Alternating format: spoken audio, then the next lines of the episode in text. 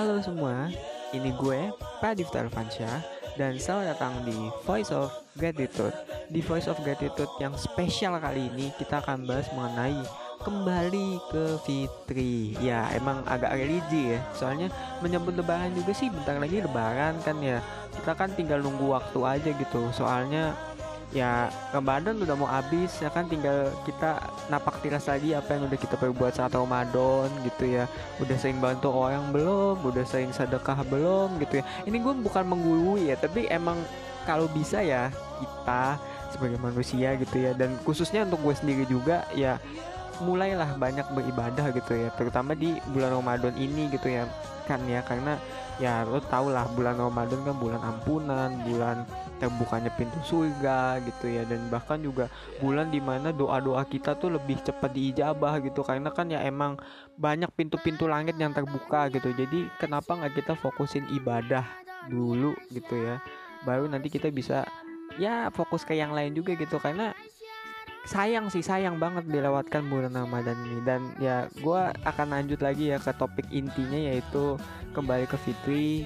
Dan gue akan membukanya dengan sebuah pertanyaan lo pernah gak sih merasa diri lo tuh paling bersih gitu ya? Gue sendiri gue belum pernah lo ya mungkin dulu gue pernah gitu di satu titik kayak gue tuh bersih gitu. Gue gak senang ngeliat orang melakukan hal yang katakanlah kotor gitu kan ya. Kayak misalnya mabok apa gitu.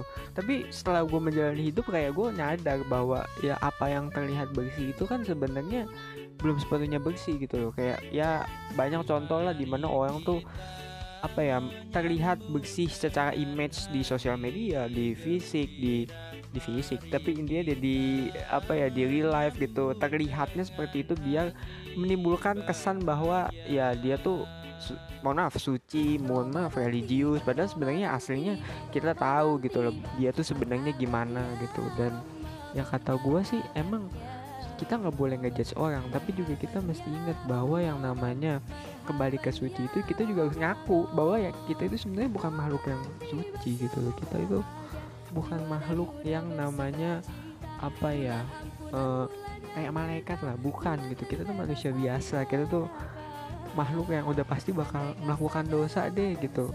Dan dosanya tuh bukan berarti kayak kita sengaja doang ya kadang kita diem nih diem nggak ngapa-ngapain orang tuh iri sama kita gitu ya contoh lah yang kemarin di Depok itu yang kasus babi ngepet. Ya itu kan tanda juga bahwa ya kadang orang tuh bisa iri sama kita gitu ya. Apalagi kalau udah pernah penyakit hati gitu ya. Bisa sampai segitunya tapi kita kitanya nggak ganggu mereka gitu kita aja diam aja gitu.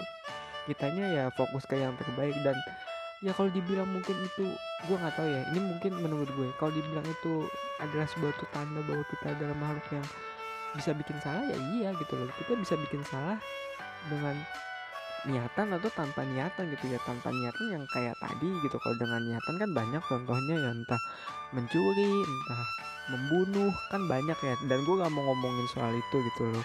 Tapi ya yang perlu kita tahu ya kita ini adalah makhluk biasa gitu loh. Makhluk yang lemah fana gitu. Tiada daya dan upaya selain karena pertolongan Tuhan gitu. Jadi ya untuk kembali ke fitri ya menurut gue kita juga harus ingat itu dulu gitu loh. Jadi nanti kalau kita udah inget itu nih ya harapannya kita bisa lebih conscious lagi gitu loh bahwa ya kita perlu ningkatin ini perbaikin sifat ini gitu. Karena kadang juga kita suka lupa gitu loh ngelihat diri kita nih ada yang jeleknya gitu. Kita lebih fokus ngeliat orang lain gitu loh. Kayak peribahasa deh yang mengatakan bahwa semut di ujung mata itu sedu apa ya semut di ujung pantai itu terlihat tapi gajah di pelupuk mata itu enggak gitu. Ya kadang kita juga sering kayak gitu ya. Gue pun juga sering begitu gitu kadang. Kayak gue nyalahin orang gue suka apa namanya uh, mengkambing hitamkan orang. Padahal sebenarnya gue yang salah gitu. Loh dan ya gue berusaha untuk tidak seperti itu. Dan gue harap juga yang lainnya juga ya tidak berusaha seperti itu gitu dan ya itu poin, pertama lah ya untuk bagaimana caranya menurut gua kita bisa menjadi kembali suci gitu kembali fitri. Yang kedua juga kita mulai untuk memaafkan orang lah gitu. Maksudnya emang gua ngerti ya memaafkan itu pilihan kita nggak bisa semudah itu memaafkan orang. Apalagi kalau misalnya itu orang menzolimi kita gitu ya. Bukan merasa bukan apa ya ibaratnya bukan kayak yang kita merasa terzolimi tapi emang kita dizolimi gitu loh.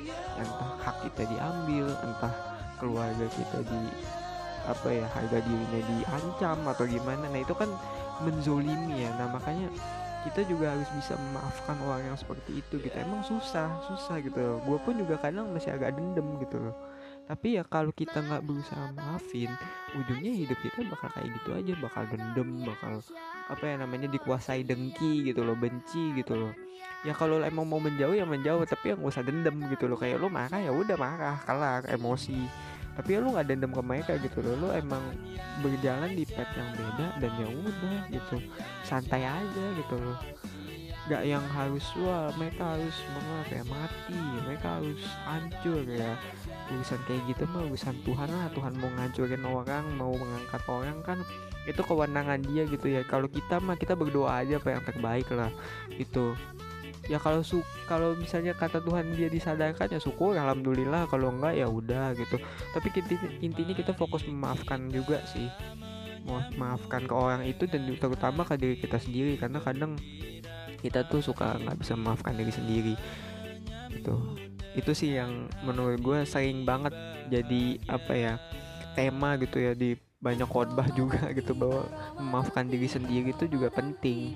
Ya soalnya kadang ya kita juga suka lupa bahwa kita tuh manusia sih ya. Kita pribadi tuh suka lupa gitu loh. Gue pun juga suka lupa bahwa gue ya manusia biasa gitu loh. Gue juga bisa berbuat salah dan ketika gue buat salah gue kayak seolah-olah tahu kelas. Padahal ya sebenarnya emang ya kalau emang itu kesalahan kita sendiri ya. Yang maksudnya dalam artian kita nggak tahu kita baru pertama kali ya wajar aja gak sih? Ya nggak semua orang kan bisa langsung pertama kali kecuali hoki gitu ya.